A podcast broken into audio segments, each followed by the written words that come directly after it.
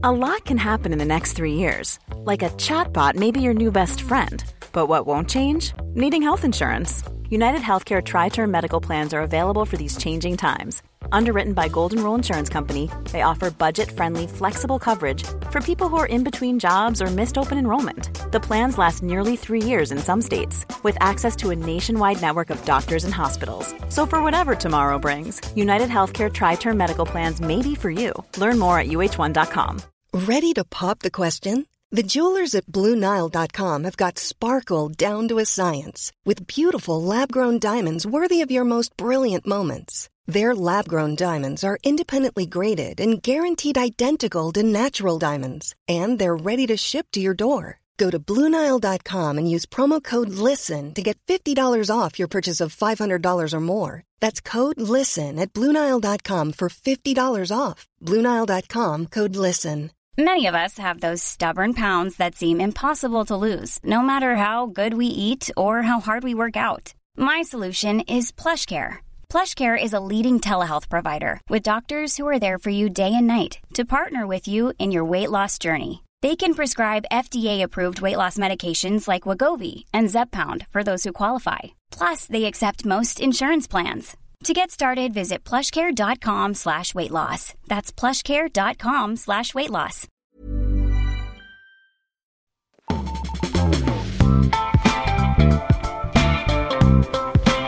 God morgon! Hallå! Ni lyssnar på Nyhetsshowen live från GP-huset med mig Fanny Wijk och dig. Linnea Ronqvist. Ja, vi sänder idag en alldeles uh, underbar tjejtisdag den 21 november. Ja, det är sinnessjukt vad långt vi har kommit. Ja, jag vet, snart är det jul. Uh, Det är jättemysigt.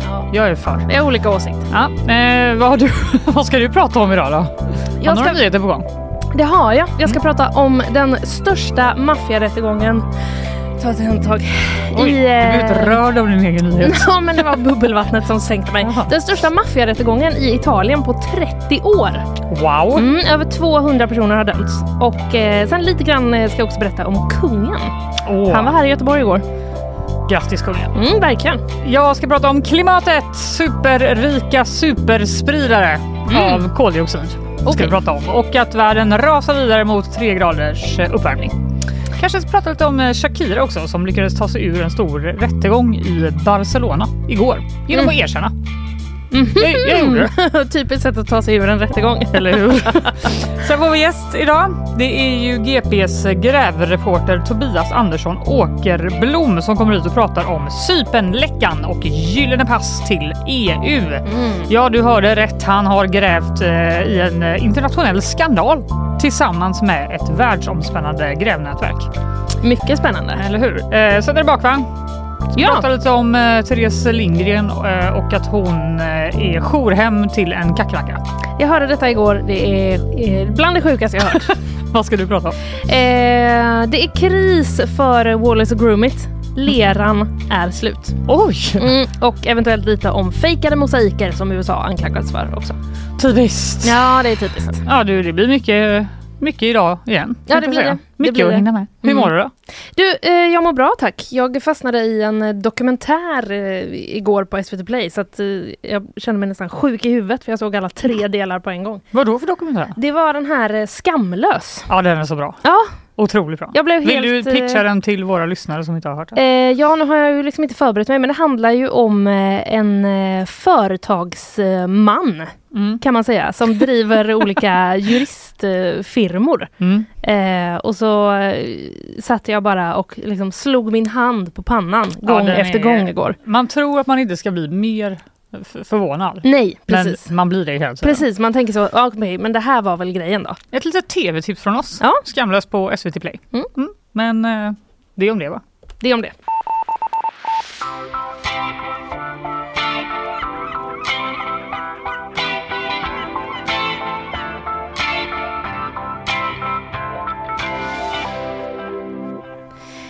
Kungen har varit i Göteborg. Wow, wow, wow! Mm, ja. Vadan denna ära. Nej men ibland vet du, det var väl som eh, jag tror att en pressperson för hovet sa, han vill hålla sig uppdaterad. eh, tror jag att... eh, Är den kvar där fortfarande den stan? på andra sidan. Exakt, apropå. Andra sidan Han har också blivit utsatt för Kalles sån. Göteborg finns också faktiskt. Har du varit och kollat på Västlänken? Ja. Ja. Men det tror jag faktiskt inte att han var. Han kanske i och för sig såg något staket. Han var Men illa tvungen om han ens var här. Precis, han lär väl ha märkt det eh, i alla fall. Ja. Men han var här då och besökte polisen i Hjällbo. Mhm. Och sen åt han lunch då i Bamba på Sjumilaskolan i Biskopsgården. Wow! Wow, kungen hade googlat så. Bästa restaurangen i Göteborg. Sjumilaskolans Bamba! Ah. Boka genast. Mm. Eh, det finns en eh, lite längre text som man kan läsa på gp.se om hela kungens besök. I om man- Bamba.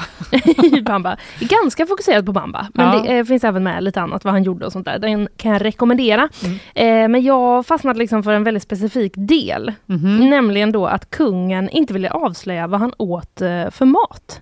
Nähä. Nej, så här, eh, ja. så här lät det när P4 Göteborg då eh, frågade kungen vad det var han åt. Det är viktigt här. Ja, är det det? Ja, ja, ja, det, nej, det, det håller jag för mig själv. Det håller jag för mig Det själv. håller jag för mig själv. Okej, så antingen är han så skadad av alla eh, skandaler och eh, jobbiga journalister att han bara vill hålla allt för sig själv. Just det. Eller så kommer han inte ihåg vad han hade ätit. Nej, det Eller visste inte vad han åt. Nej, det slog mig också att han kanske bara Han bara Uh, vad var det nu igen jag åt? Ja, fan. Vad ska jag säga? pasta och potatis. Exakt. Pasta och potatis. Klassiskt bambarätt. Kla- klassiskt eh, i Carb carb. Precis. Mm. Eh, gult och gult eh, serverar de eh, där. Eh, nej, men det var ju ändå lite intriguing. Man blev, alltså, om, man in, om man var bara så här, ja, ja, jag kan väl höra vad kungen åt då. Ja, då Innan. vill man ju verkligen nu vill veta. man ju verkligen veta. Nu undrar man ju, vad är det här för fuffens liksom? Mm. Eh, och så kände även då eh, P4s eh, reporter, för det fanns nämligen två alternativ i Bamba. Mm. Det var krämig sås med lax och pasta. Okej. Inte lax och pasta med krämig sås. De bara, ta mest det är såsen. mest såsen. Inte så mycket lax. Så Det räcker inte till alla då. sprinkla lite lax och pasta uppanpå. Som Salt Bay. Jag ska, lax. ja, eller hur? Jag ska också börja laga mat med liksom såsfokus. Så det är- det är ju det godaste. Ja, det är det. Det är ju det här underbart. man vill göra. Ja, Men man inte kan med. Nej. Eh, men det var det i alla fall då. Krämig sås med lax och pasta eller eh, så fanns det också ett vegetariskt alternativ som var en rostad tomatsås. Jag misstänker att det var pasta till den också. Ah, Mm. Det var två såser. Det var två, Med pasta till. eh, precis, det verkar så. Mm. Eh, men P4s reporter nöjde sig inte då utan eh, sökte upp Bambatanten i fråga som serverade kungen. Använder även Bambatant i rubriken, gör de på P4. Ja, de vet vad man vill klicka sig Eh, in på. Precis, de vet det. Eh, Amela Delalic eh, var personen i fråga eh, och frågade henne då vad eh, kungen åt. Och vad åt han till slut? Det fanns ju två varianter. Det fanns ju den här tomatsåsen och laxpastan. Vilken var det han tog? Han tog eh, laxsås. Han tog laxsås. Ja, det kunde man ju tro. Ja. Han känns inte som att han går för det vegetariska Nej, alternativet. jag tycker inte heller det känns så. Mina fördomar säger mig eh, det. Förlåt kungen, men det är inget fel med det. Nej. Det är gott med laxsås. Det är jättegott säkert. Eh, det sa han också till eh, Amela, att det var gott. Gud vad han är trevlig. Mm, väldigt trevligt. Det var P4 Göteborg också som hade lagt in i slutet där. Här glider kingen in. Med eh, Sean Banan va, misstänker jag. Ja, det är... Jag, jag, jag vet inte vad jag ska säga om Nej, inte jag heller. Jag ville bara Coolt meddela att det inte var jag som hade strösslat in den låten där. Ja, bra. Eh, en annan liten grej bara som jag också vill ha, eh, få med då, det är att eh, det var Hanna Kamis från klass 9A på Mhm. Sjumilaskolan sa till vår eh, reporter. Hon satt nämligen bredvid kungen under lunchen. Mm. Och då undrar man ju såklart, så som eh, P4 Göteborg fick göra med Bambatanten, får man ju också fråga vad händer där inne egentligen under lunchen? Ja. Ehm, och då berättar hon så här om eh, vad de pratar om. Kungen berättade om vad han gjorde när han gick i skolan. Vad han gillade att göra på fritiden och så. Han sa att han brukade gå upp för en stor backe och kolla på utsikten. Berättar hon. Vadå, han upp för backen till slottet? Titta på den vackra utsikten. Ja, men det Vad har det med då. skola att göra? Jag fattar inte. Nej men, det, nej men det kanske bara var vad han gillade att göra på fritiden i skolåldern. Liksom. Eh, då gillade han tydligen att gå upp för en stor backe och kolla på utsikten. Det var uppenbarligen innan skärmar kom.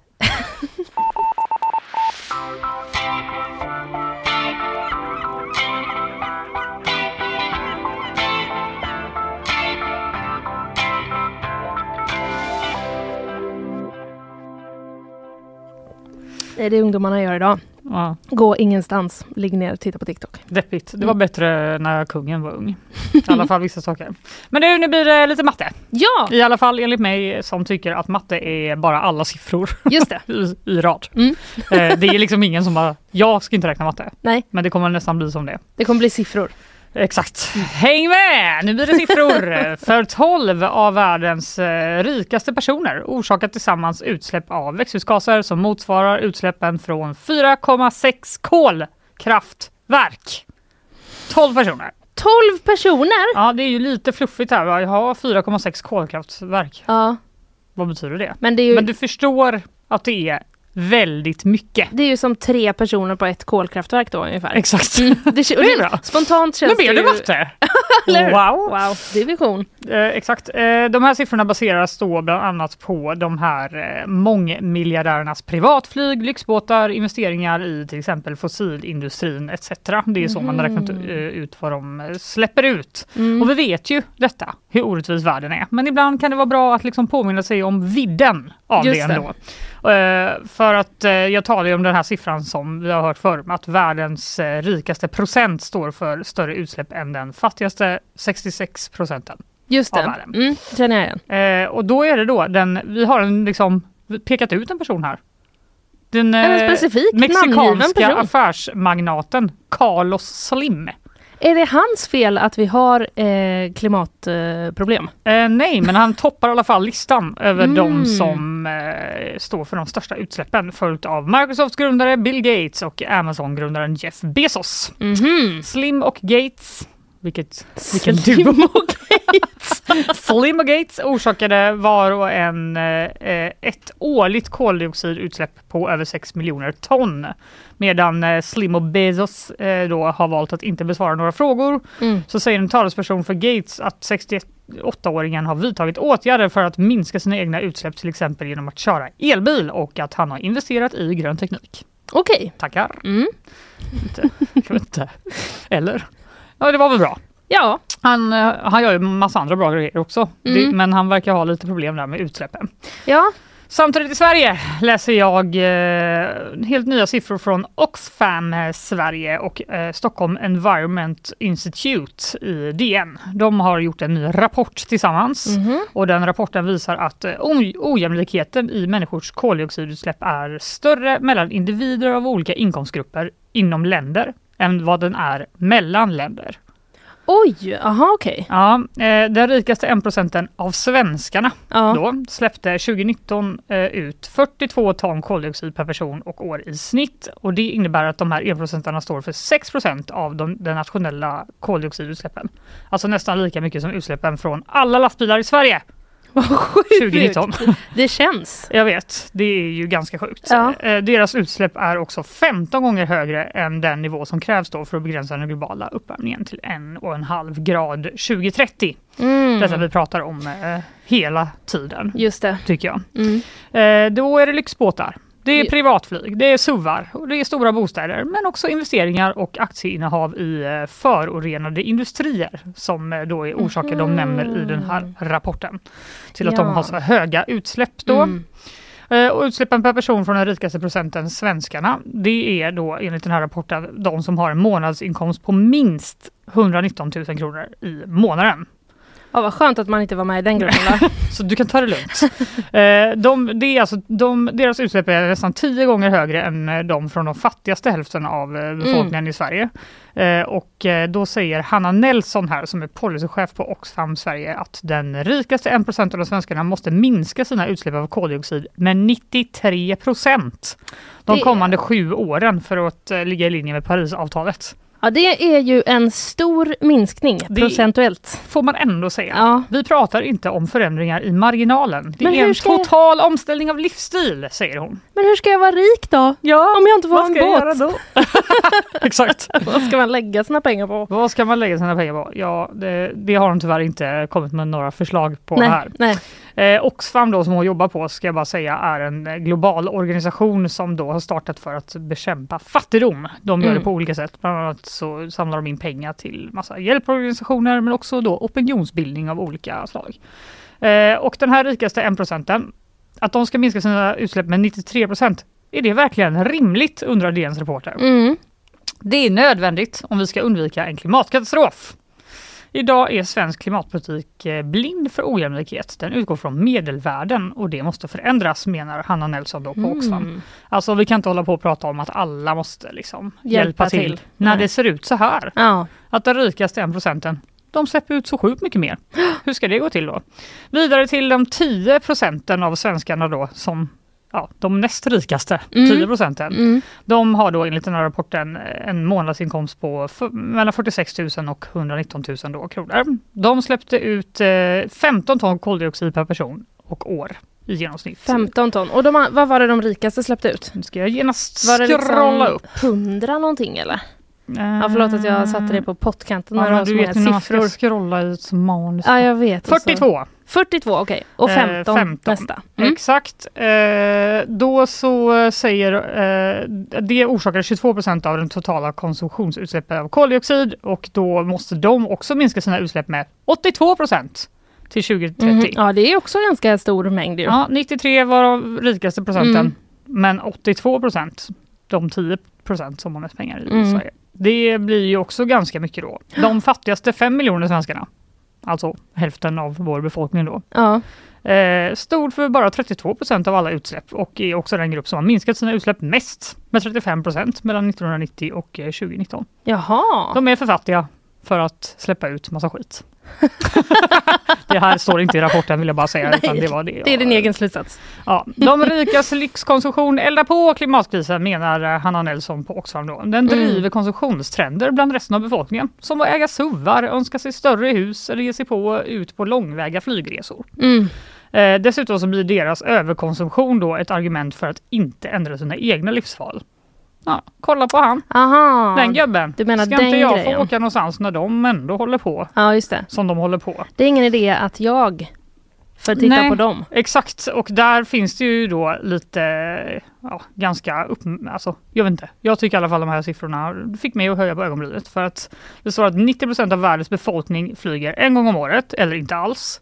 Medan 6% flyger mer än två gånger om året och 1% flyger mer än fem gånger om året. Och då vet man inte hur mycket mer. Nej, just om du det. typ har eget flyg. Varje dag. Ja men typ. Eh, och inom EU så utmärker sig också Sverige då med störst utsläpp från flyg. 7 ton per person eh, och år hos de 10 av befolkningen som flyger mest. Jaha! Ja, vi Så sticker vi- ut. Flyger allra mest i hela EU. Ja, det står eh, inte att vi... Hmm. Jo, störst utsläpp från flyg Ah. i EU. Enligt den här rapporten i alla fall. Det kanske är för att vi tycker så synd om oss eh, den här tiden på året. Ja, har ni bott i Sverige? Testade ni att bo i Sverige då? Och inte flyga någonstans? Inte så jävla kul. Du, det är nästa grej man behöver ta hänsyn till i klimatutsläpp. Ja, Vilka har det mörkast? de bara, vilka ni kanske är väder?" jätterika Ja, i Sverige. mm, Men ni bor ju också i Sverige. Så precis. stackars er. Mm. Eh, nej, men de har också släppt en eh, global rapport som visar att eh, de rikaste 10 procenten i världen då står för hälften av alla koldioxidutsläpp och nästan 70 procent av befolkningen i Sverige ingår i den gruppen. Oj! Ah. 70 procent av befolkningen i Sverige ingår i gruppen eh, av de 10 rikaste procenten i världen. Det är viktigt att ha med sig att de flesta av oss i Sverige tillhör en global elit som står Mm. för hälften av alla utsläpp på grund av vår höga levnadsstandard och vår livsstil. Och i och med det så har vi ett enormt ansvar att minska våra utsläpp, säger Han- Hanna Nelson. Och den här undersökningen ska jag bara säga tar inte då hänsyn till förmögenhet utan bara inkomst. Om Just de också det. hade kollat på förmögenhet så skulle resultaten enligt Oxfam ha varit ännu mer ojämlika. Ah. Oj, oj, oj. Och igår, ska jag bara avsluta med en riktigt deppig nyhet. eh, igår kom en ny FN-rapport som visar att då utsläppen som borde då minska istället ökar. Förra året så satte vi nya rekord med utsläpp, f- eh, 54,7 miljarder ton globalt. Och världen är nu på väg mot 3 graders uppvärmning. Vi måste sluta sätta oönskade rekord på utsläpp av växthusgaser, globala temperaturer och extremt väder, säger Inger Andersson som är chef för FNs miljöorgan. Det måste vi sluta med det. I fredags för, så tror man också att för första gången någonsin så ska den globala temperaturen under en dag ha varit mer än två grader varmare än förindustriella nivåer. Eh, Ännu ett rekord alltså. Det är en uppskattning från vädertjänsten Copernicus. Så grattis eh, jorden! Kämpa på! Det är vad det är.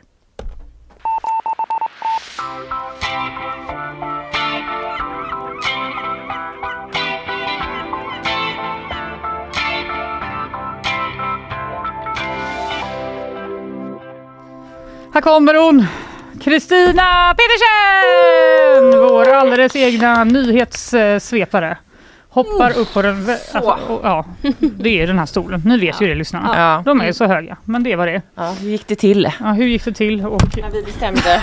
Alltså det är något konstigt med den här studion idag. Du, det är, ja, det är som att Det det är som att det spökar någonstans. Så jag flyttade mig hitåt. Eh, micken Så. trillar ner, eh, Kristina har löst situationen. Ja. Eh, nu ska du få lite nyhetsmatta, Yes. så kör vi. Tack. En, tillfällig vapenvila mellan Israel och Hamas kan vara på gång. Ett avtal är nära, uppger Hamas högste politiska ledare enligt AFP. Och USAs president Joe Biden uttryckte igår samma förhoppning. Biden sa också att han hoppas att detta skulle kunna innebära att ett antal av de över 200 israeler som tagits som gisslan nu släpps. I förra veckan kom Moderaterna i Göteborg med förslaget att utreda om Frölundaskolan ska läggas ner.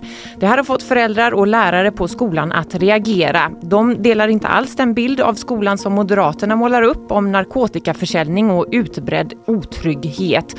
Flera föräldrar menar att situationen på skolan dessutom blivit bättre de senaste åren och ser Moderaternas förslag som ett sätt att plocka politiska poäng på barnens bekostnad. Och 41 personer är fortfarande fast i den tunnel som kollapsade i norra Indien för över en vecka sedan. Försöken att gräva en räddningstunnel stoppades i lördags när man hörde ett högt knak. Nu har Indiens regering tagit kontakt med det hjälteteam som räddade ett fotbollslag ur en grotta i Thailand för fem år sedan. Det skriver The Guardian. De 41 arbetarna i gruvan ska än så länge må förhållandevis bra. Det var det jag skulle säga. Ja. Försöker verkligen bara, är du klar? Är du inte klar? Det. Men det jag också vill säga är att jag, som jag inte liksom riktigt fick med i den här formen, är att de får ju liksom mat och syre via små liksom smala rör som de har stuckit ner till de här Nej. räddningsarbetarna. Alltså skicka ner lite popcorn, Nej, är det jordnötter. Jo, jo. Men gud, det här Ja. kommer verkligen bli en till sån rafflande dokumentär. Ja. Som, eh, Och vilken specialkompetens man sitter på som grott, liksom räddar Ja. person. Ja, verkligen. Vi Matleverantör. hoppas att de får komma ut därifrån Ja. väl Det behållna. vi. faktiskt. Så fort som möjligt. Tack Kristina! Vi ses då.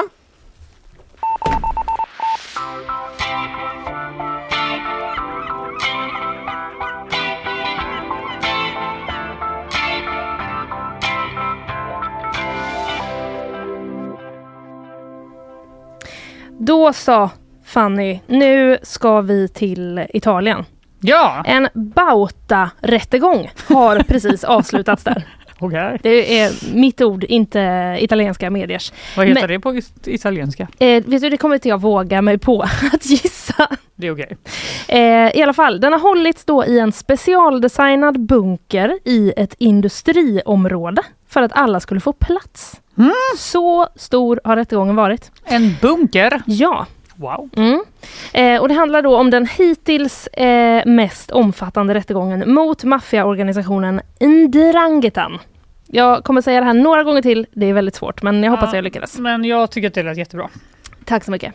Det är alltså en av Italiens mäktigaste eh, maffiaorganisationer. Mm. Och över 200 personer som är kopplade till den här maffian har dömts till totalt 2200 års fängelse. Men gud. Det, Har de också byggt nya fängelser då? det, det vet jag För att få faktiskt- plats med alla jag, jag vet faktiskt inte. De får Eh, sitta kvar i den här bunkern bara. uppenbarligen. De kanske får hänga där ihop. Eh, rättegången har i alla fall då hållit på också i tre år. Vill Nej. jag bara meddela. Jo, så det är enormt. Herregud. Det fanns 24 000 avlyssnade samtal att, eh, som användes som bevismaterial. Mhm. För att liksom ytterligare spä på storheten i detta. Ja.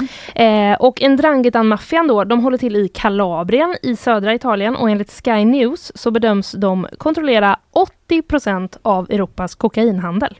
Oj! 80% Men gud. Mm. Vad ska hända nu undrar man ju.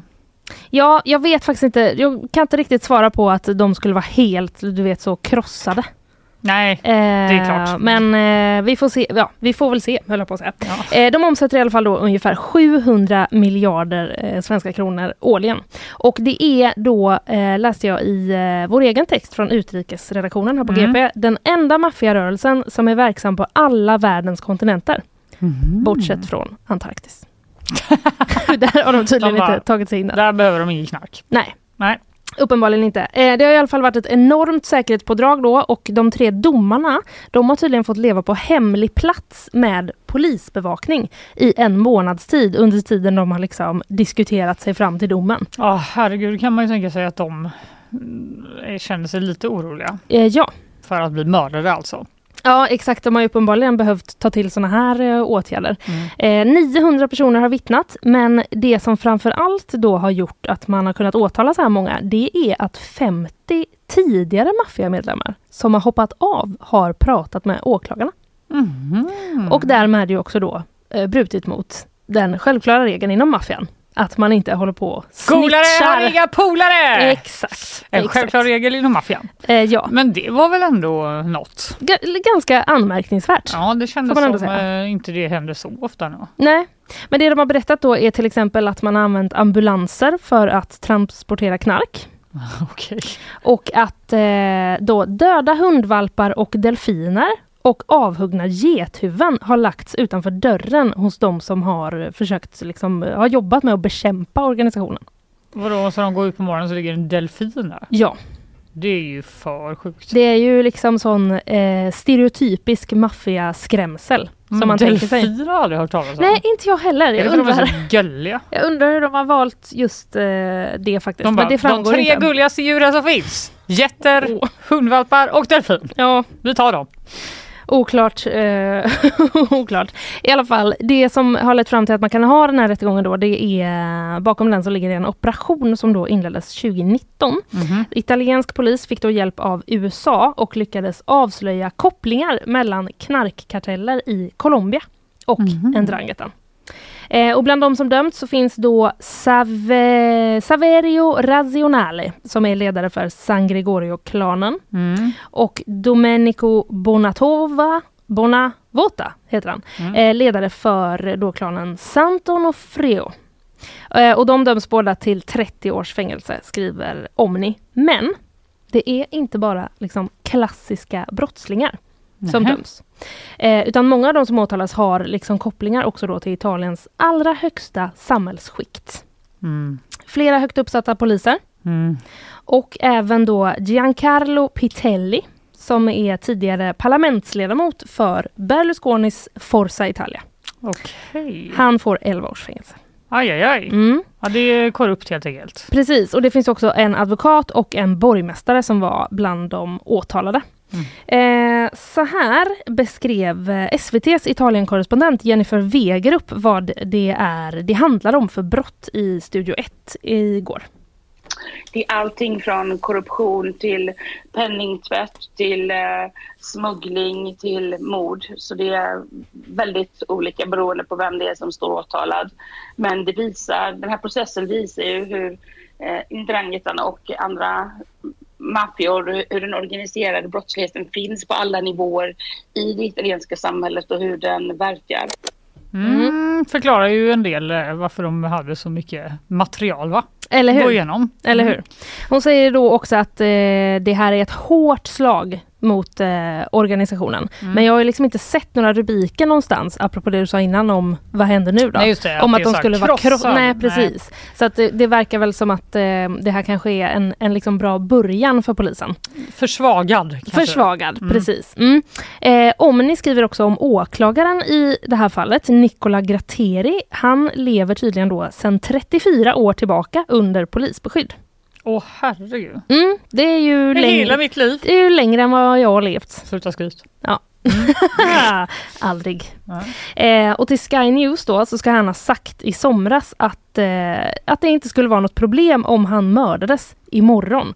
Eh, alltså inte imorgon men om, om jag mördas imorgon så är det Ja, inget ja. problem. För han säger då eh, att leva hundra år som fegis är meningslöst. Jag har levt som en man. Oj, oj, oj. Ja. Eh, och domaren i eh, fallet, Brigida Cavazzino, hon ska ha hållit på i över en och en halv timme när hon läste upp straffen för de åtalade i slutet. jo, det vet man bara. Ska vi se, Fanny Wik, Ja. 13 år för eh, bla bla bla bla bla. Kalleberg. jag bara tog oss.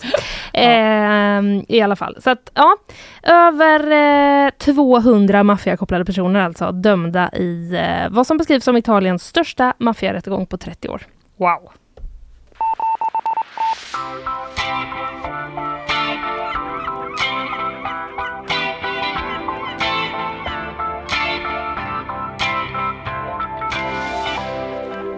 Du, nu är det dags. Vi ska ju få eh, en gäst Det ska vi. till vår show. Det är eh, Tobias Andersson Åkerblom som ska prata om sitt splitter nya gräv. Ligger på Mm. GB sagt nu, men ni behöver inte läsa. Ni kan eh, lyssna först. Lyssna först och Sen läs sen. få den fördjupade bilden. Ja. Vi släpper in honom. Varför står GPs grävande reporter utanför en bostad i den västgötska orten Nossebro och letar efter Iraks största sminkimportör? Och vad har det här att göra med den högst, upp, eh, högt uppsatta cypriotiska politikern och guldpass? För att svara på de här ganska invecklade frågorna så har vi med oss Tobias Andersson Åkerblom som har grävt i en internationell skandal tillsammans med ett världsomspännande grävnätverk. Oj, oj, oj. Välkommen Tobias! Tack så mycket. Nu är man ju, nu blir det spännande Man är direkt, bra va? sugen. Man är bra sugen. Ja, Men vi börjar väl från början va? det gör vi. Eh, Den här historien har sitt ursprung på Cypern. Och eh, för de som har hängt med så har man kanske sett att de, sen, de senaste veckorna så har det rapporterats om något som heter Cypernläckan. Mm. Lite i olika medier i eh, Sverige och världen. Vad är det för något? Ja, den så kallade han- det handlar om miljontals dokument som ha, har läckt från så kallade bolagsfixare på Cypern. Eh, och eh, i ett eh, ja, väldigt stort internationellt samarbete så har medier i en lång rad länder med hjälp av dem kunnat avslöja hur landet har använts som en fristad kan man säga för skumma affärer av, av både skattesmitare och, och framförallt kanske ryska oligarker. Ehm, och en av de organisationerna som var med i det här het, heter OCCRP och de samarbetar vi med. Så att, ehm, de ville i samband med det här att undersöka ett annat spår. Eh, och ehm, det var så den här historien började kan man säga för oss. Mm. Del. Ja, för en del som har granskats då det är ju de här eh, som du också nämnde Fanny, de så kallade guldpassen då på Cypern. Vad är det för någonting? Ja precis, det är ju det vi har tittat närmare på Mm. nu då och eh, det är ett eh, investeringsprogram på Cypern som frams, fa- fanns där eh, fram till för ett par år sedan. Eh, där man helt enkelt kunde köpa sig medborgarskap eh, i Cypern och då i EU eh, genom stora summor pengar. Ehm, och det var inte vem som helst som kunde göra det här då i och med att det handlade om miljontals euro som man skulle Oj. betala. Men eh, det var ändå nästan 7000 personer som gjorde det under åren som det här programmet fanns. Mm. Ehm, och det, det, man kan ju säga att det, det finns fortfarande liknande program i, i andra länder, i Malta och Bulgarien. Mhm. Men på Cypern så kan man inte göra det här Nej längre. precis. Ehm, det, det lades ner ehm, då 2020, slutet av 2020 efter att EU hade dragit landet inför domstol ehm, kring detta. Så det, det, fi- Cypern fick hård kritik eh, under ett, en tid innan man uh, lade ner det och ehm, eh, det, den har fortsatt kan man väl säga efteråt. Mm. Men f- förutom att man måste ha rätt mycket pengar då, vad är det för typ av personer som man vet har köpt sådana här guldpass? Ja, alltså en del av problemet är ju att det har inte gjorts ehm, tillräckliga bakgrundskollar i, i många av fallen. Så att ehm, vi vet inte vilka alla är. Men det, alltså dels har det handlat om vad ska man säga, vanliga, väldigt rika människor som har gjort av skatteplaneringsskäl.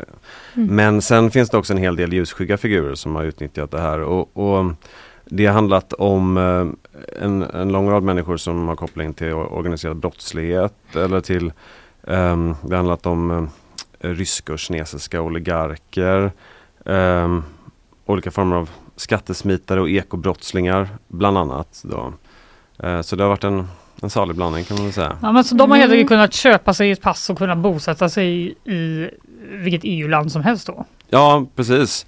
Eh, och eh, till saken hör ju också då att man, när man har i efterhand eh, granskat det här, det har tillsatts utredningar och sådär. Ehm, så har man ju på Cypern kommit fram till att mer än hälften av de här passen utfärdades felaktigt. Så att liksom de, de lagar som fanns eh, Mm. och tillät det här, de följdes inte heller. Men va, varför ville man att det här skulle gå att göra från Cyperns håll ens? För att tjäna pengar kan man väl säga. För de var Mm. tvungna att investera i landet då på olika sätt. Precis, det var ju tanken då att man skulle eh, gynnas av det och man fick ju in en hel del pengar genom det. Alltså bakgrunden var ju att eh, Cypern hade en eh, katastrofal ekonomi efter de ekonomiska kriserna som, som var runt eh, 2010. Mm. Eh, och eh, där blev ju helt enkelt ett eh, lite udda sätt att, att få in snabba cash. Liksom. Mm. Ehm, Ja, det får man sen- ändå säga. Ja, Sen, sen, kan man ju säga då också att det, alltså tanken var ju att det skulle vara investeringar i liksom den reella ekonomin liksom, som faktiskt gynnade landet då. Men det har väl varit lite eh, sisådär med den saken också. Okej. Men eh, din granskning tar ju avstamp då i eh, den lilla orten Nossebro. Varför, eh, varför har du varit där? Ja, det är ju alltså för att den här historien som vi tittar på den, den börjar där, eller den svenska eh, del Mm. börjar där. Helt plötsligt så eh, dök det upp en, då en, en iraker med cypriotiskt pass som, som styrelseledamot i ett, ett litet åkeri i Nossebro. Mhm. Eh, och han, eh, han folkbokförde sig på den adressen sen också. Så att, ehm, det här var ju då eh, för ett par år sedan. Och ehm, vi åkte dit helt enkelt för att eh, ta reda på ja, varför. ja, Mm. kan man väl säga. Eh, Ja, du kommer dit. Det är ju ganska dramatiskt eh, i den här texten också. Men eh, vad kan vi säga? Den här personen då som eh, du är på jakt efter. Vad kan vi säga om honom? Ja, alltså han är en, han är en irakisk affärsman eh, som framförallt är verksam inom kosmetika. Eh, Mm. Han importerar smink och eh, kosmetika till Irak. Eh, och eh, en av hans släktingar beskriver honom som landets största eh, kosmetikaimportör. Så att det, det är ju inte vilken affärsman som helst liksom, utan han, han rör sig med, med mycket pengar vad det verkar. Mm. Ehm, och ehm, han och hans familj, de var tidigare bosatta i Storbritannien. Mm. Eh, där han också hade gjort investeringar för att få uppehållstillstånd. Eh, men det revs upp eh, och ehm, då blev Cypern ett, ett alternativ helt enkelt. Ett snabbt och det. enkelt sätt att, att få en möjlighet att, att bo inom EU. Just det. De fick inte bo kvar i Storbritannien helt enkelt. Utan de fick hitta ett annat sätt att vara kvar här på. Och då hamnar de i Nossebro Mm. av alla ställen. Varför vill han vara skriven i Sverige? Vet man det? Ja, alltså han har ju förklarat det som att um, numera så bor hans döttrar här eh, och att det är därför han också har sökt sig dit. Och en av döttrarna fick också cypriotiskt pass i, med den här Mhm. affären. Ehm, och ehm, det är väl en del av förklaringen. Sen så just den här adressen i Nossebro, där är det en, en barndomsvän till honom som driver det här åkeriet. Ehm, eh, som eh, har, har sin, sin verksamhet där. Eh, så att det, det är väl också kanske en del av förklaringen. Ja, till, han hade ett band till en person där helt enkelt. Mm. Okej. Men, det, men det han gjorde då var efter Storbritannien att han köpte ett sånt här cypriotiskt guldpass, eller? Ja, precis. Ja. Så han köpte ett, ett bolag på Cypern ett konkursfärdigt bolag. Eh, den här affären genomfördes 2017 och det, här bolaget ägde mm, fastigheter på Cypern, alltså egentligen då tomma markplättar. Eh, så det hade liksom ingen egentlig verksamhet men det hade en, väldigt stor eh, massa skulder. Mhm. Eh, och en av de som hade det här bolaget då var en partiledare på Cypern. Eh, Så, så de sålde det bolaget till honom och genom den affären då så, så kunde han eh, liksom, Då uppfyllde han. Påstått så hade han i alla fall då uppfylla kraven för att eh, få det här cypriotiska passet. Mhm. Så eh, även om eh, det var lagligt för honom egentligen då att köpa ett sånt pass under den tiden så kan man säga att det inte har gått helt rätt till då när han och hans familj har fått de här passen. Precis, för att det, en del av vår granskning utgår från en, en läckt utredning som, som vi har tagit del av. Då, ehm, Där man konstaterar att um, det här medborgarskapet det, det godkändes utan att det egentligen fanns några bevis för att de här pengarna hade förts över som de skulle. Så att, så att liksom, det finns inga, inga, inga liksom bankdokument eller någonting på att, på att men det handlar ju om mycket pengar för att det ska uppfylla kraven så ska det ju föras över 2,5 miljoner euro, det är nästan 30 miljoner kronor. Liksom. Mm. Uh, men sen så finns det också stora frågetecken kring vad han egentligen ska ha köpt det här bolaget för. För att det florerar två olika kontrakt med olika köpesummor då, som skiljer sig på motsvarande uh, upp mot 5 miljoner kronor. Um, sen då efter den här investeringen, alltså det fanns också krav på som sagt, det, det, skulle gynna landet och liksom ge, ge någonting till den reella ekonomin. Så, mm. så, det fanns krav på att man skulle redovisa vad, vad som har hänt med ens investering efter att man har fått medborgarskap. Uh, men några sådana redovisningar har inte skickats in och, och så sent som i november uh, så var det fortfarande helt bara obebyggda jordplättar. Liksom. Um, och då så um, började polisen eh, på Cypern att utreda den här affären uh, som bland annat misstänkt bedrägeri, uh, förskingring och penningtvätt. Okay. Men den utredningen stoppades. Just det, och det ska vi komma in på nu. Men bara innan vi lämnar detta. Han är inte då eh, misstänks inte för något brott i Sverige, den här affärsmannen. Nej, och vad vi har kunnat se så var han inte en av de misstänkta i den utredningen heller. Utan den, mm. den, den, de misstankarna verkar snarare ha inriktats på de som sålde det här bolaget. Mm. För det är ju då eh, del två, va? Det här kommer den här eh, då cypriotiska politikern som verkar då stå i centrum för korruptionsanklagelserna. Marinos Sissipoulos. Mm. Eh, men han kan inte utredas för det här. Varför då? Nej, och det är ju det lite pikanta på Cypern att där, där alltså han är ju både han är partiledare för det cypriotiska socialdemokratiska partiet EDEC. Mm. Eh, men han är också parlamentsledamot. Mm. Eh, och eh, det bekanta i det här är ju att är man parlamentsledamot på Cypern så omfattas man av immunitet. Mm. Eh, så att Mm. Lite på samma sätt som diplomatisk immunitet. Liksom. Så att, Vad eh, praktiskt. Mm, det, det låter lite ovanligt. Ja det är lite, med sven, svenska ögon ja. Så är det ju ganska ovanligt, eller märkligt. Men ehm, så att polisen får inte förhöra honom utan tillstånd från Högsta domstolen. Mm. Och det begärde de att, att man skulle, att chefsåklagaren då skulle försöka få. Um, men han ville inte gå vidare med det. Så att uh, då lades den här utredningen på is helt enkelt. Mm. mm. Men du uh, har ju ändå uh, lyckats prata med honom. Vad säger han? Ja, alltså han har ju tidigare framhållit att liksom, det är viktigt med transparens och att han är villig att lägga alla kort på bordet och, mm. och sådär. En riktig politiker. Ja, mm. det, precis. Men uh, när jag pratar med honom så vill han inte svara på några frågor alls. Nämen! uh, Två saker som inte riktigt går ihop. Ja. Uh, det enda egentligen av substans som han sa var, var att något var citat dåligt med den här affären. Men mm -hmm. okay. ja. Sen, inte vad? Utan... Nej precis. Mm. och vi har ju efter att, vi, efter att jag pratade med honom och han inte ville prata mer så har vi också både innan och efter ska tilläggas skickat en lång rad frågor på, på mejl och sådär men han har helt enkelt inte återkommit. Mm. Men det är ju inte första gången man hör om korruptionsmisstankar mot just cypriotiska politiker. Varför är just Cypern, den här lilla plätten, så korrupt? Ja, alltså jag tror att alltså, i, i, fallet med de här gyllene passen som har varit en följetong, det har, har ju varit en, en, en, av de stora frågorna kring korruption på Cypern under ganska mm. lång tid nu. Uh, och där var ju just en del av förklaringen var ju det som vi var inne på tidigare att, att man hade en katastrofal ekonomi uh, och uh, såg ett sätt att, att få in pengar som i sin tur många, många har skott sig på. Mm. Och jag tror att det det gäller nog i viss del också de här andra avslöjandena som har kommit den senaste veckan. Alltså kring hur, hur man har tillåtit eh, en massa olika skumma affärer genom bolagsupplägg på Cypern. Det, det, det, det är ju också någonting som, som eh, länder tillåter för att det, det lockar dit affärer och pengar helt enkelt. Mm.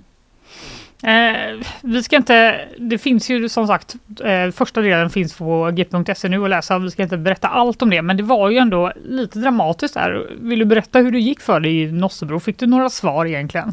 Ja, alltså i Nossebro så fick vi inte så mycket eh, svar kan man väl säga. Men sen så har vi for, fortsatte vi eh, leta vidare efter eh, den här affärsmannens spår i Sverige och, och det, den resan tog oss vidare till en, en liten sydsvensk ort. Mm. Eh, och där så dök istället hans svärson upp. Mm. Eh, och um, han um, när vi stod och väntade på honom på gatan då helt enkelt och han såg oss så, så, um, så gasade han ist- istället för att, för att liksom gå ur bilen. Och, Mm, Han körde liksom Mm. rätt emot er. ja, precis. Oj! Eh, ja, så, nej, men så det var lite dramatiskt ändå. Ehm, men eh, när jag frågade honom, jag, eftersom att vi ändå skulle skriva om det sen så, eh, så var jag tvungen att liksom fråga honom mer specifikt i efterhand kring eh, hur han resonerade när han gjorde så. Mm. Ehm, Kunde ju uppfattas som lite hotfullt. Ja, kanske. och det är precis och det förtydligar ju då att vi gjorde, att vi uppfattade det som lite hotfullt när jag ställde den frågan då. Men han, hans förklaring var ju då att han trodde att det var en annan reporter som stod framför bilen. Aha! Det var inte dig jag skulle hota. Ja men då så. Ja. Eh, Men han gav väl inte jättemycket svar heller. Han, han försökte sätta er i kontakt, dig och eh, den här affärsmannen eh, Mohammed Sadek Ibrahim. Ja precis, det, alltså, det han gjorde till slut när han lugnade ner sig i alla fall var ju att han, han bekräftade ju ändå att ehm, det var hans svärfar som hade köpt det här medborgarskapet och det ungefärliga upplägget. Mm. Eh, och han sa att han skulle sätta sig i kontakt men det, det ville han ju inte göra. Men däremot så har vi lyckats komma i kontakt med honom eh, på annat håll senare då genom ett, ett eh, telefonnummer i Jordanien som vi, som vi hittade. Men eh, eh och han har också han har berättat en del för oss. Eh, eh, han har gett liksom en del av pusselbitarna men, men han har inte velat svara på på kanske de viktigaste frågorna. Alltså var kom egentligen de här pengarna från och hur gick affären till? Mm. Ehm, så där, där finns det fortfarande eh, frågetecken och det, det är ju en del av, av de sakerna som polisen på Cypern har velat utreda också då. Ehm, och, men när vi ställde detaljerade frågor kring det då valde han helt enkelt att sluta kommunicera med oss. Ja, vad är Mm. liksom, hur går ni vidare nu? Vad är nästa steg? Ja som sagt, det kom, alltså vi har, en, vi har ehm, en andra artikel som är på väg ut ehm, lite senare här. Mm. Eh, eller om det kanske kommer imorgon bitti. Mm. Eh, men sen så, så tittar vi också då på hur, vad som händer på Sypen efter, efter det här avslöjandet. Och vi har fått vissa signaler om att det kanske, att det kanske börjar hända någonting där. Ehm, eh, att, att, så att vi, det, det håller vi på att titta på. Eh, och ehm, sen så försöker vi också se om det finns andra kopplingar till Sverige i den här stora härvan kan man säga. Ja, Mm. det är väldigt, väldigt spännande. Jag kan verkligen rekommendera alla att gå in på g.se och läsa den här rafflande granskning. Del 1 finns ute nu, del 2 kommer imorgon möjligtvis. Eh, tusen tack för att eh, du kom hit Tobias Andersson Åkerblom och förklarade allt om Cypernläckan. Tack så mycket.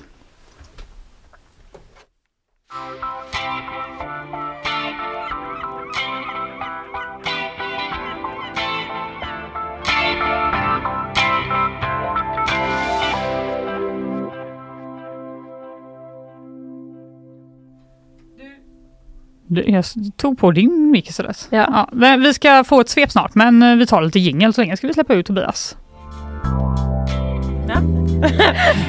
Förvirringen fortgår idag. Alltså ni får ju ursäkta oss eh, lyssnarna men det är något konstigt med den här studion idag. Ja men det har varit liksom, eh, ljudbordet har dratt igång när ingen har tryckt och stolarna är annorlunda och mickarna. Det är och, som ja. att någon har sänt en nyhetsshow här på natten ja, innan vi kom. precis. Men det hoppas jag inte. jag tänkte säga det vore lite kul nästan. Ja. Ja, ja, Kristina Petersson är kvar, är kvar här igen Ja, och ja, eh, ska ge oss lite nyheter. Vad har du på gång? Ja, men jag vill gärna att vi pratar lite om eh, det mini-OS som Ryssland har på gång. Det här har gått mig helt förbi. Har de ett mini-OS på gång? Ja, För det barn? här, ja, och jag förväntar mig att detta blir en följetong. Ja. Ni vet ju att ryska idrottare är ju liksom utestängda från massa idrottstävlingar i världen. De har Ah. inget där att göra efter att de eh, invaderade Ukraina liksom. Mm. Och vad gör man då? Eh, är man påhittig så anordnar man ju ett eget mästerskap. Då. Ja. Okej. Det är liksom lösningen på detta. Då kommer ni till oss istället ska vi se. Ja, och det är liksom ingen eh, liten grej som de har på gång då. World Friendship Games är det de har eh, döpt den här tävlingen till. Den ska alltså anordnas mellan den 15 och 29 september nästa år, direkt efter OS i Paris. 27 olika idrotter och Ryssland hävdar då alltså att 10 000 idrottare från 137 deltagande länder kan komma att vara med. De ska åka Oj. rätt från Paris till nästa tävling då? Ja, Ja. men, ja. och jag måste säga, man, har, man siktar ju högt va? Ja. Eh, ja, jag känner så här, kommer det ens eh, bli av? För Nej. det är liksom, å, åt andra hållet så gäller ju då att IOK, alltså internationella olympiska kommittén, de eh, rekommenderar ju att man överhuvudtaget inte ska tävla i Ryssland. Ja just det. Nej. Så att de Liksom- skulle lyckas få skrapa ihop så många som ändå vill göra det då. Yes, från Precis. 137 nationer. Och att, ja de, men det är spännande. att de skulle ha då 10 000 som redan nu har signat upp sig. Ja, vi kommer gärna. Ja. Låter jättekul.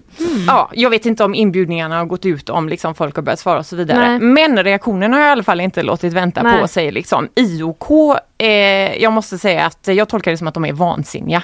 Liksom. Eh, fördömer ju hela tävlingen, menar att det är liksom ett politiserat spel. Att idrottens självständighet hotas när regeringar ska liksom börja anordna idrottstävlingar. Och de har ju liksom uppmanat nationer att inte delta. Och alltså säger att man kommer hålla ett öga på de nationer som liksom, jajamän vi vill gärna vara med här. Just det. Det kommer liksom inte falla i god jord om man säger så. Nej. Nej. Men Oj. i andra, det finns ju också det här då att eh, varför skulle länder delta då? Eh, undrar Ja. man ju kanske. Eh, då rockar Ryssland med prispengar i sammanhanget kan man också säga. Mm. Har de Fem- några pengar över? Ja precis. De bara, vi tar lite från krigskassan Ja. och lägger på mini-OS. Ja. Men 500 miljoner eh, kronor eh, lär ligga i någon slags pott. Och det skojar man ju såklart inte bort. Nej det låter ju, nu har jag i och för sig ingen aning om vad prispengar i sport brukar vara. Nej. Men det är ju inte, det är ju en stor summa. Det, får kan man säga. ändå säga. Ja, Mm. nej men alltså med, så att eh, fortsättning följer tänker jag. Ja, eh, Rysslands idrottsminister har ju liksom velat eh, säga eh, för att förmildra eh, här att man inte söker konfrontation med IOK, att det här inte är en tävling som konkurrerar med OS och arrangörerna av World Friendship Games då, de säger ju liksom att det här harmonierar med den internationella idrottskalendern och tycker såklart att det här är en bra och viktig grej för ryska aktiva som ju inte liksom har fått Just det. tävla då Just det. eh, som i alla fall inte annat än eh, som neutrala aktiva Mm. i tävlingar runt om i världen. Mm. Ja, det låter som Oj. vi kommer få följa upp det. Ja, verkligen. Ja men eller hur! Ja, det Ja. får man ändå säga. Händer det eller händer det inte? Ja, exakt. kan vi återkomma om. Ja, det, får, det kommer vi göra också.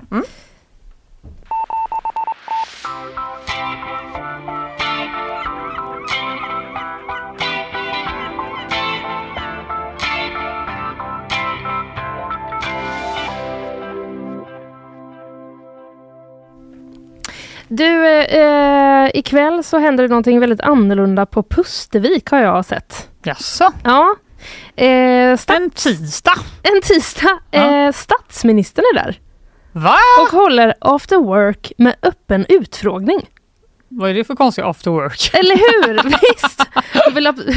Not my kind of after work. Inte heller min. Ska du anordna en sån Fanny, där vi har en, att- en utfrågning med dig? Det är, eh, det är eh, idag som statsminister Ulf Kristersson och finansminister Elisabeth Svantesson åker hit. De ska, Jaha. de ska besöka tullen då i Göteborgs hamn och Jag trodde du eh, menar ölstället. Ölstugan Tullen, Först- sen blir det Pustervik, sen blir de det dit. folk och Sen går de eh, vidare vidare. till Ja. Jack idag. Ja, Nej jag skojar. vilken jävla kväll ändå. Verkligen. Eh, nej men eh, det ska de göra först och efter det då så bjuder de in till eh, AV och öppen utfrågning på Pustervik klockan 17.30. Jag tyckte bara att det var en väldigt liksom Ja, Eh, det stack ut lite grann. Och så Ja. undrar jag liksom hur det kommer att funka rent tekniskt. Alltså kommer det vara så att Ulf Kristersson och Elisabeth Svantesson bara sitter vid ett bord och så får man bara gå och sätta sig där om det är en stol Ah. ledigt? Eller kommer det vara liksom scenen, mikrofon, vem ska moderera? Eh, ja, jag undrar mycket. Det känns som att de kommer ändå vilja vara på scenen va? Ja, få lite Om det, om det ska, precis, på sig. det känns ju dumt om eh, det blir utfrågning och så är det bara den som ställer frågan som hör. Så säger de så jättebra svar bara fan, Exakt. det är bara du som hör den och hela random som dricker en bärs. Exakt. Ja, ja, men gud vad spännande. Jag tycker ändå att det är lite modigt av dem. Det, att eh, visst- våga utfrågas när folk sitter och avgör sig samtidigt. Ja, sant. Man vi får väl se hur eldigt alla möjliga eh, det blir. Jag misstänker att vi kommer att ha någon på plats.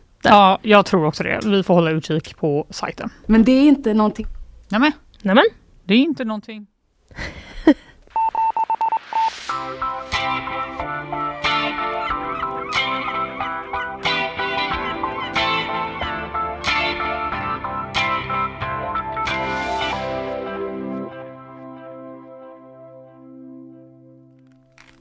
Nu ska vi prata om...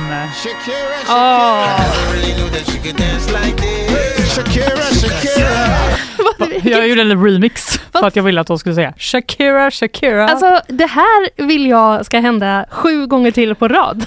kan vi få den en gång till? Okej då. Nej.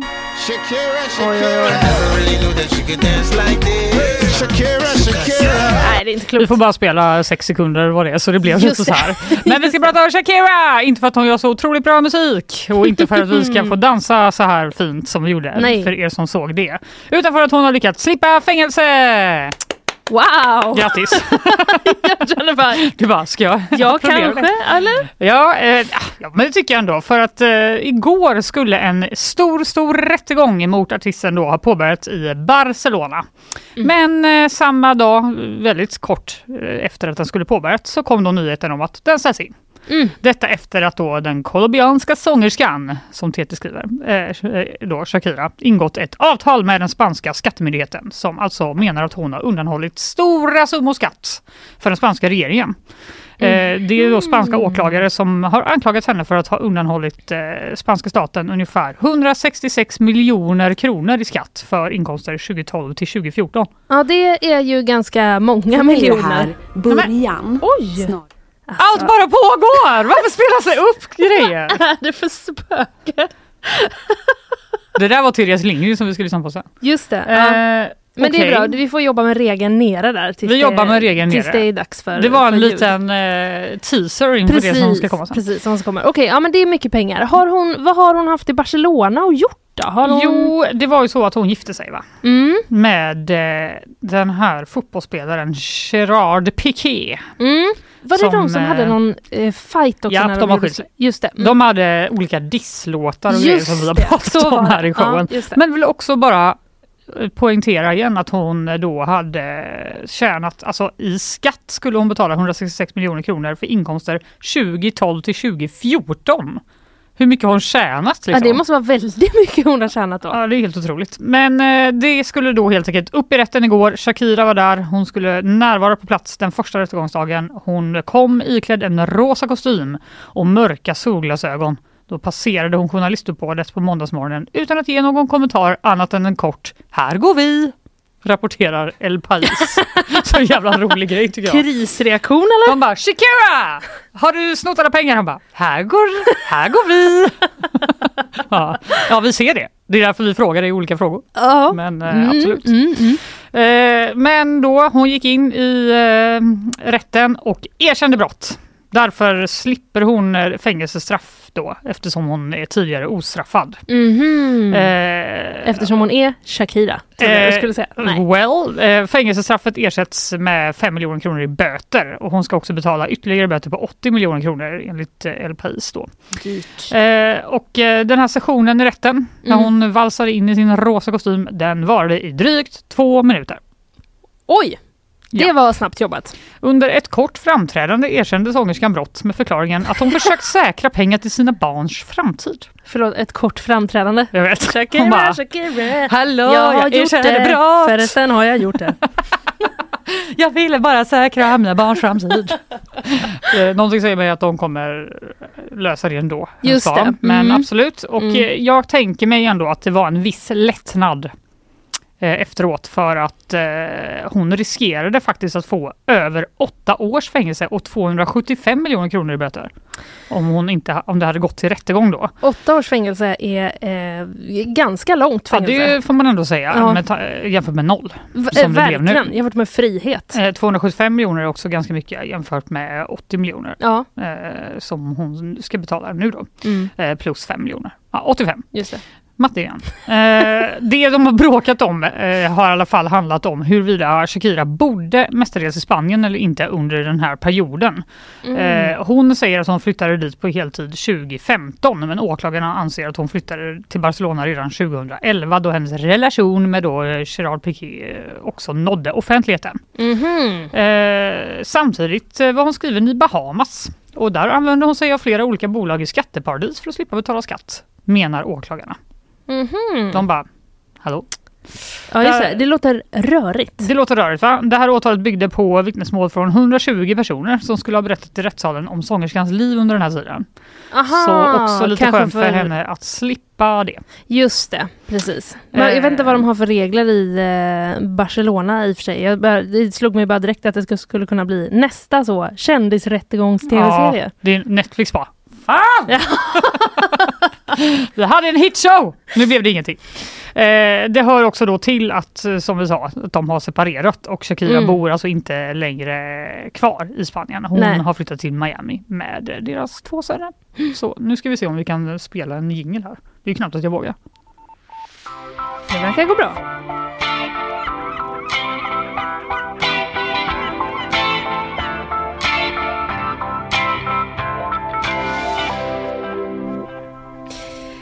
Ännu mera eh, film och tv höll jag på att säga. Mm. Eh, Wallace och Gromit.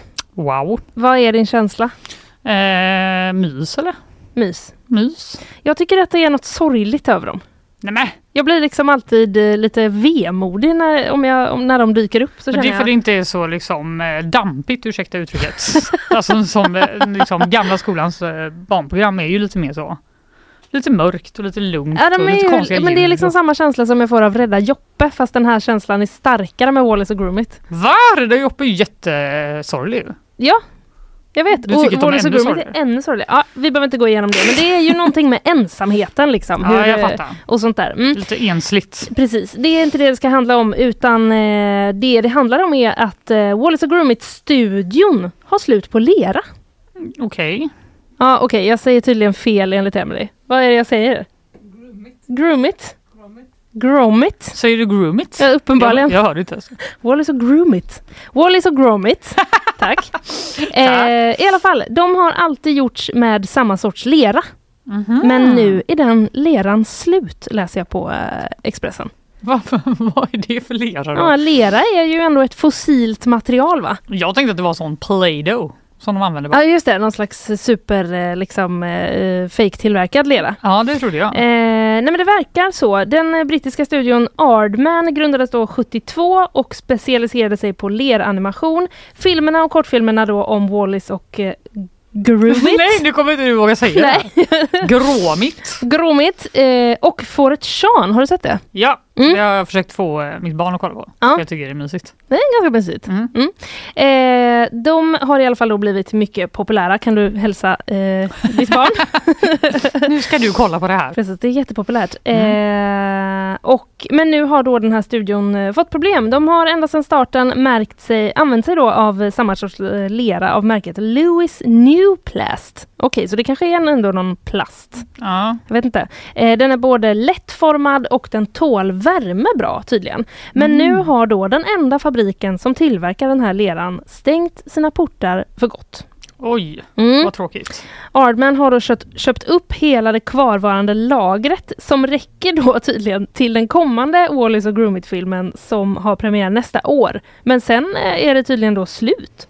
Och om, Fanny, Ja. man inte hittar ett lämpligt substitut, då kan det innebära slutet för eh, de klassiska leradmerade filmerna. Men kan de inte återanvända lera? Slänger de all lera sen?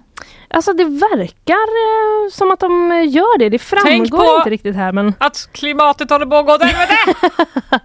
exakt. Men Kanske inte är deras eh, ja, det kanske är liksom svårt att återanvända. Vet- man, de kanske får försöka Det borde ju gå att återanvända någonting.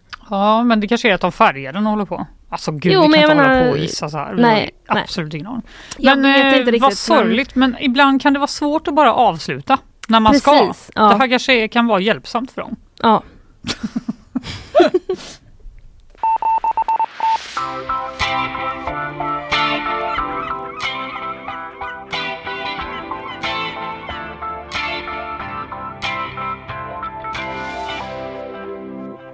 Du, i helgen Mm. kom det ju lite nyheter om Therese Lindgren. Ja, det gjorde det ju. Hon har ju alltså det största svenskspråkiga kontot på Youtube med 1,2 miljoner följare. Det är sinnessjukt många. Det är så sjukt många följare. Om man tänker på liksom hur få miljoner vi är. Ja, verkligen. Bra jobbat. Eh, Hon ska dock lägga ner då sin Youtube-kanal trots att den stod för 60% av hennes intäkter i fjol. Mm. Hon ska dock fortsätta vara influencer på ja, Instagram. okej. Hon försvinner inte eh, helt och hållet. Nej, men hon lägger alltså ner sin kanal för att istället ägna sig eh, på heltid åt att hjälpa djur. Det är ju hennes grej ja. Det är verkligen hennes grej. Vi ska Mm. höra ett litet ljud då från Therese Grindins eh, sista video på Youtube som heter Min sista video. Min passion i djur tar större och större plats i mitt hjärta. Så ni vet, jag har ju ända sedan jag var barn velat jobba som veterinär. Jag har alltid haft mycket djur och liksom drömt om det. Och jag känner att den här elden som jag har i mig, alltså jag får liksom inte kväva den utan jag måste ge den ännu mer plats. Och därför så väljer jag att stänga den här Youtube-dörren nu. Elden får inte kvävas Linnea. Nej! Den måste få ta mer plats. Ja. Men eh, vad tråkigt med Youtube då? Men det är inte någonting sorgligt. Utan jag går varje kväll och lägger mig alltså med fjärilar i magen. Typ som jag känner när jag ska gå upp och sända med dig Linnea. Nej men du hör ju, hon älskar verkligen djur. Ja, Eh, Så mycket. även fjärilarna i magen. Även fjärilarna i magen måste ges plats. Mm. Eh, Men hur ska hon göra för att hjälpa djuren då? Ja. Jo, hon ska grunda en stiftelse, Svenska djurfonden. Mhm. Och hon har själv bidragit med 5 miljoner kronor till den här stiftelsen. Redan. Oj! Så det är ändå en summa. Ja. Den här stiftelsen ska då hjälpa privatpersoner som inte har råd med veterinärvård till exempel. Eh, De ska hjälpa ideella föreningar som håller på och räddar djur på olika sätt. Mm. Även forskare och studenter som försöker hitta sätt att öka djurvälfärden på, säger hon i den här eh, videon. Mhm. Och dela inget deppigt med det, eller som Therese själv säger. För mig är det här början snarare än slutet och jag är så taggad på att ni ska få, få följa med. Ja, du hör ju vilken musik som kommer. Ja, För mig är det verkligen. här början. Sluta Therese, vi var klara med det. Vad obehagligt det var att höra Therese Lindgren i flera versioner av sig själv samtidigt. Hon bara, Från wow, ett wow, spökljudbord. Ja, det var så sjukt. Eh, det är början. Ja, just det. Och Men inte hon är slutet. inte ledsen. Nej. Hon är inte ledsen eh, och därför så började jag liksom bara, ah, okej, vad är det hon håller på med egentligen då? Ja. Eh, och det är så att hon har åtminstone tio djur hemma. Har jag kunnat räkna ut. Mhm. Eh, vissa är hennes egna och vissa är hon då jourhem åt eh, vad det verkar. Och jag försökte hitta här vad Emily skrev för att Mm. det var någon eh, följare till henne igår som eh, hade missuppfattat lite vad det var hon eh, var. Har skrivit eh, så här som en kommentar på hennes eh, Youtube-inlägg. Dagens fråga. Hur kom det sig att du ville vara horhem? Eller vad det heter. Kanske hormamma. Men ja, i alla fall, varför ville du bli det? Det är verkligen någon som Vad är det som händer? inte vet eh, vad ett jourhem är. Men eh, det går, är ju inte alltid lätt att stava. Hon är i alla fall horhem åt flera djur. Eh, bland annat en guldhamster, eh, en degu. Degu som är någon slags eh, chinchilla slash marsvin. Jaha. Två blinda kaniner och det är akvarier med fiskar och det är fåglar och det är det ena med det tredje. Du fattar, det är jättemånga. Oj, hur stort bor hon egentligen? Du, vet ju. du vad, att jag när jag var, kom in i så deep eh, Ja. internet, att det, det var verkligen folk som bara, alltså hur många djur får man ha i en liten lägenhet? Ja. För att hon också bara, det här är min nya hamsterbur och så är det liksom lika stor som det här bordet, flera meter stor. som en liten guldhamster ska bo i då för att den ska må bra. oj, oj. Så du fattar, hon älskar verkligen djur Ja. och det största beviset på det är att hon i början av november hämtade ett alldeles nytt tillskott till sin samling. Låt mig presentera den väsande kackerlackan Hubert, skrev hon på sina sociala medier. Och så var det en bild på en kackerlacka som Men- hon höll i sin hand. Men det är väl ändå ett djur vi har kommit överens om att vi dödar, trodde jag. Eh, det tror du verkligen Alltså jag att med. vi typ liksom så du ser den bara "Åh!" utrotar. Nej, det verkar inte så. Till skillnad från många andra kackerlackor så har de väsande kackerlackorna inga vingar men klättrar stadigt med sina fötter, läser jag i Aftonbladet. Okej. Eh, lillen hittades i en trappuppgång och hade gått en säker död till mötes om den inte räddades, skriver den ideella föreningen Smådjurschansen på Instagram. Okej, Och- smådjurschanser. Vill, eh, vill ni liksom även ha mina vägglöss? Ja men det är också typ att... Det, Eller mina silverfiskar? Typ att jag antar det, för var ska man dra gränsen? Ska de rädda Ja. liksom en fluga som ligger så? Lite utslagen i ett fönster? Ja. I guess.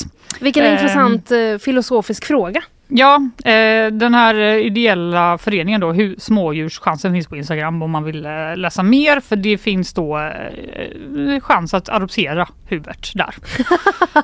det är lite roligare att samla på kackerlackor än på frimärken. Det tycker Skansen-Jonas i alla fall när Aftonbladet frågar honom. Mhm, ja. Är du intresserad? Jag kände just, eh, behöver nyhetsshowen liksom ett, en liten maskot? Alltså jag kan ju tänka mig många andra maskotar. Men just den väsande kackerlackan Hubert känner jag inte. Jag känner att han skulle passa skitbra liksom här framme på bordet bara när vi sänder som lite sällskap. Nej. Eller på ditt skrivbord. Nej.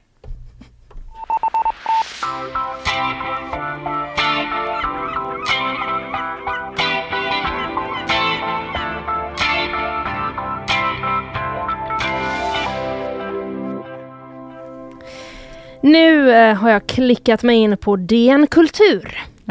oj, oj, oj. Oj, oj, oj. Så här tidigt på morgonen. Nej.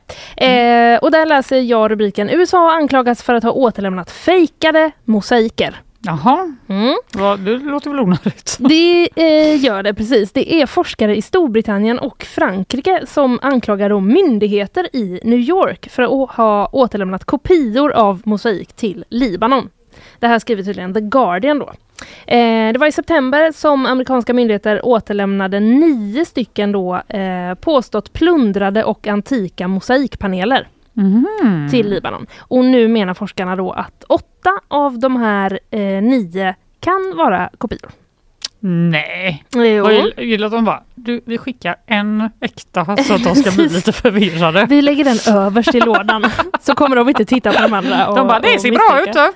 Då." Ja, nej det är eh, lite mystiskt. En av eh, forskarna då, Jamila eh, Fellagu vid universitetet i Grenoble eh, menar, eh, nej det var ju fel uttalat, ja, strunt samma. Menar att hon har tagit fram bevis då för att pana, eh, panelerna är uppenbara kopior med liknande kända paneler då från bland annat Sicilien, Tunisien och Algeriet som förlagor. Mm. Ehm, mm. Det här var ju konstigt. De ska ha kommit till USA då illegalt via en libanesisk antikvitetshandlare. Aha. Mm, och eh, de, eh, enligt myndigheterna i USA och Libanon så är det då antika paneler men eh, den här eh, experten som jag nämnde, forskaren Jamila, hon eh, säger då att, tror att, då att de kan ha tillverkats i Mellanöstern på 1970 eller 80-talet. Mhm. Väldigt konstigt. Christos eh, Tsirogianis eh, Ja. som är forskare på Cambridge eh, och expert då på att identifiera kulturarvsföremål på Unesco. Det Wow. låter ju som rätt person eh, för det här. Mäktigt. Eh, han är inne på samma spår. Mhm. Att de alltså inte skulle vara äkta och eh, säger då till The Guardian att det är pinsamt att USA gått vidare med återlämnandet utan att först ta reda på om panelerna är eh, äkta. Så det verkar ju inte då som att eh, liksom De USA behållit. med mening har gett Nej, den fejkad utan kanske snarare de eh, bara inte haft koll på att den aldrig ens var eh, äkta. Nej, eh, det är ändå, jag vet inte, det känns ändå skönt. Det känns viktigt att vi säger det. Precis att det inte är något lur, medvetet lur. Nej, det är bara slarv. Det är bara slarv.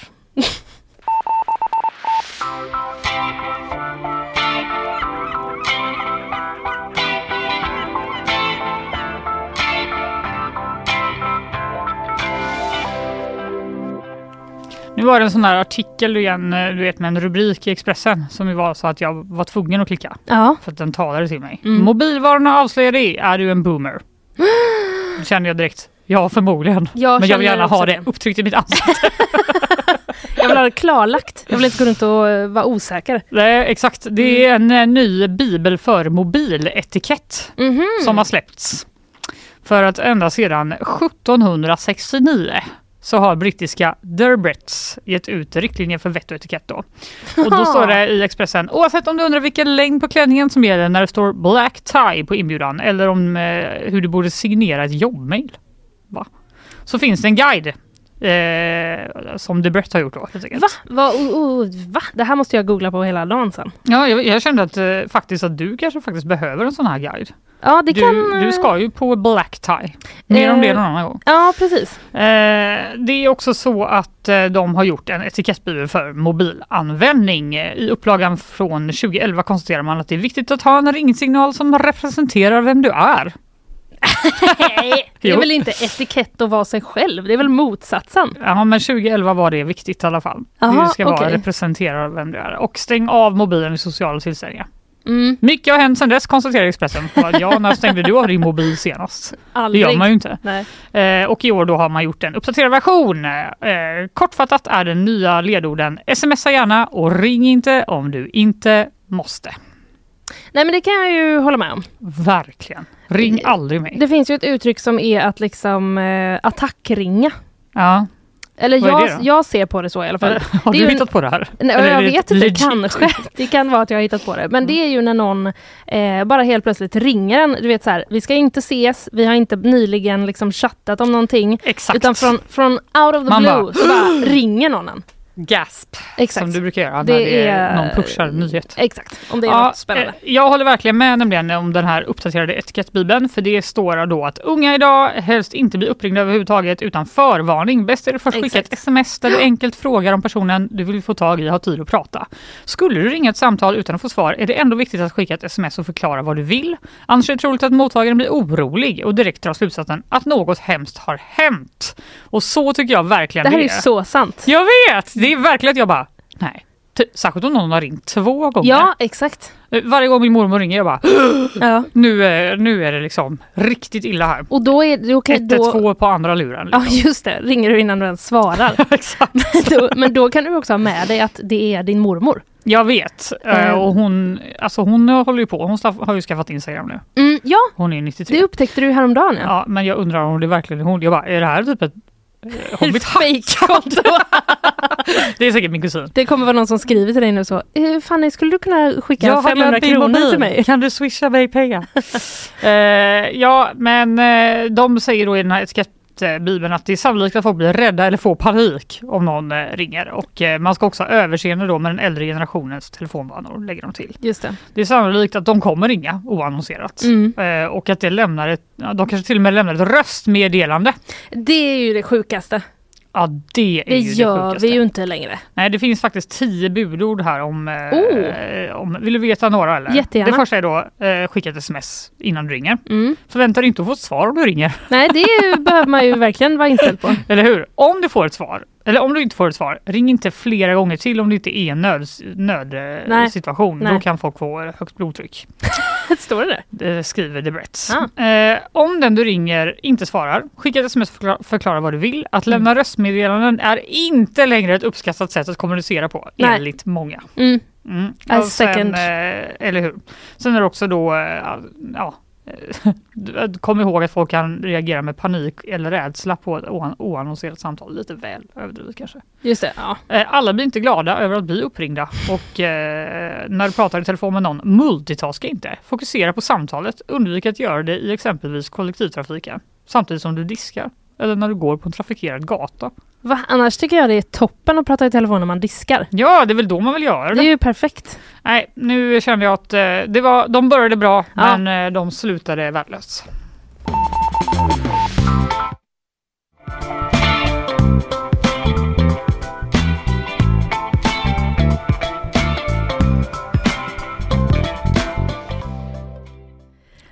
Ja, jag orkar inte ens. Nej, det är något eh, väldigt mystiskt eh, spöke här eh, idag, Mm. har det visat sig. Mm, Eh, vi ska prata lite Joe Biden tänkte jag. Ja, vad har han gjort? Jo, han har varit förvirrad. Mm, Ja. Eh, Britney Spears eller eh, Taylor Swift. Först vill jag bara att vi ska... Eh, han har förvirrat ihop de här två då. Och det hände då när han på måndagen benådade två kalkoner inför Thanksgiving. Känner du till detta? Det är ju alltså en, en långtgående tradition. Va? Att, ja, att presidenten då, när det är Thanksgiving i USA, så eh, jag vet inte exakt hur det funkar, men jag tror att de liksom, eh, de skickar ett gäng kalkoner till Vita huset, alltså levande kalkoner. Nej. Och sen så får presidenten typ alltså välja en som inte ska dö. Det är typ det värsta jag har hört. Visst! Varför då? Uppenbarligen var det två då i, i det här fallet. Alltså, jag är faktiskt lite osäker på var den här grejen kommer ifrån. För det här var ju liksom bara sido... ehm, Ja, det var inte det artikeln handlade om. Nej, precis. Det är liksom nämns bara i förbifarten då att han He was in, nu läser jag på NBC News. He was in the midst of pardoning two turkeys, Liberty and Bell. When he mistakenly used the name Britney in an apparent reference to Swifts current international tour. Men det är liksom bara... Han var mitt i att benåda. Men det här är det som är grejen, att han blandar ihop dem. Ja, alltså jag tycker det här var lite taskigt mot Joe Biden. Han kan ju faktiskt, eh, han kan få lite kritik för sin virrighet ibland. Men det för det första helt okej att missta visar jag dig en bild att på... missta eh, Taylor Swift för Britney Spears. Alltså ska han ens behöva kunna det? Exakt. Och om du Exakt. står och håller på och ska benåda en kalkon. Då har du väl annat att tänka på? Ja, alltså det här eh, är ju, men det är någonting att han, eh, han kommenterade liksom att så här, de två blev de som slapp och så sa han någonting om att så här, det är, det är svårare än att få tickets to the Eras tour. typ så någonting försökte sånt. han vara lite cool Ja. och så blev han en tönt ändå. Och så, för att han, eh, alla bara 2023 ringde. Precis, och så tänkte jag då, eh, eller tänkte han då att det är Britney som gör den eh, touren, men hon har ju inte tourat på flera år. Nej, hon har ju Eh, typ för den inlåst. som eh, kan. Oh. Eh, jag Kämpa gubbe. vill verkligen eh, liksom hitta eh, mer uppgifter om upprinnelsen till det här med att eh, man benådar eh, kalkoner. Så jag försöker desperat googla nu efter någon slags bra eh, källa på det här Ska samtidigt. jag sjunga lite? Vill jag bara eh, säga. Ja. Jo, vet du vad? Mm. Här hittade jag det. Eh, det här är ju helt otroligt. På S, eh, SvD. Eh, det var då kalkonerna Liberty och Bell som kan se fram emot ett något längre liv. Till nästa år där de bara Ja. Hunger Games börjar igen! Så ska de springa runt där ute med alla andra Sjukt kalkoner. att Hunger Games är liksom baserat på en verklig händelse. Ja. Nej men de, de benådades då av Joe Biden i måndags. En årlig tradition dagarna före den amerikanska Thanksgiving-helgen. Jag får gratulera er fåglar. Gratulerar, sa Biden när han benådade dem. på, sin, vänta, på sin egen 81-årsdag ska det tydligen ha varit också. Han- De bara grattis till dig med Joe! Ja, eh, han firade väl... Eh, Gud. Lib- Liberty och Bell de kommer nu att pensioneras och få bo på en gård som tillhör University of eh, Minnesota. Ja, ja men de kommer inte Eh, mördas då. Nej, nej De precis. kommer få leva tills de dör. Ja, det verkar så. Och eh, det är något oklart då var den här ceremonin har sina rötter. Eh, Harry S. Truman var 1947 den första presidenten som lät sig fotograferas med en kalkon inför Thanksgiving. Men först 1989 när George Bush den äldre var president så blev traditionen ett årligt inslag i helgfirandet. Wow, vilken rafflande eh, fakta. Vi ska hinna med en grej till, sen ska vi faktiskt, eh, alltså vi måste sluta Ja, innan det händer något herregud. sjukt med den här eh, grejen. Ja. Men eh, vi ska prata om Karlatornet bara, Ja! för att vi måste det. Mm. Så jag läser på SVT Väst. Hundkiss i hissen, kvarlämnad möglig disk i gemensamma köket och nedrivna gardiner. Det har gjort att gemensamma rum i Karlatornet tvingats att stänga. Ola Sernecke Oj. då, som ju har varit gäst här, Mm. också är byggherre bakom Karlatornet. Eh, han tar det med ro. Det är ingen större grej. Vi kommer lösa det, säger han. Jaha. Vad skönt för honom Vad han bra. känner så. Eh, Men vad jag är liksom, jag hade glömt av att folk har flyttat in där. Ja, så här står det. Det är knappt tre månader sedan människor började flytta in i Karlatornet. Nej. Det är väl längst ner va?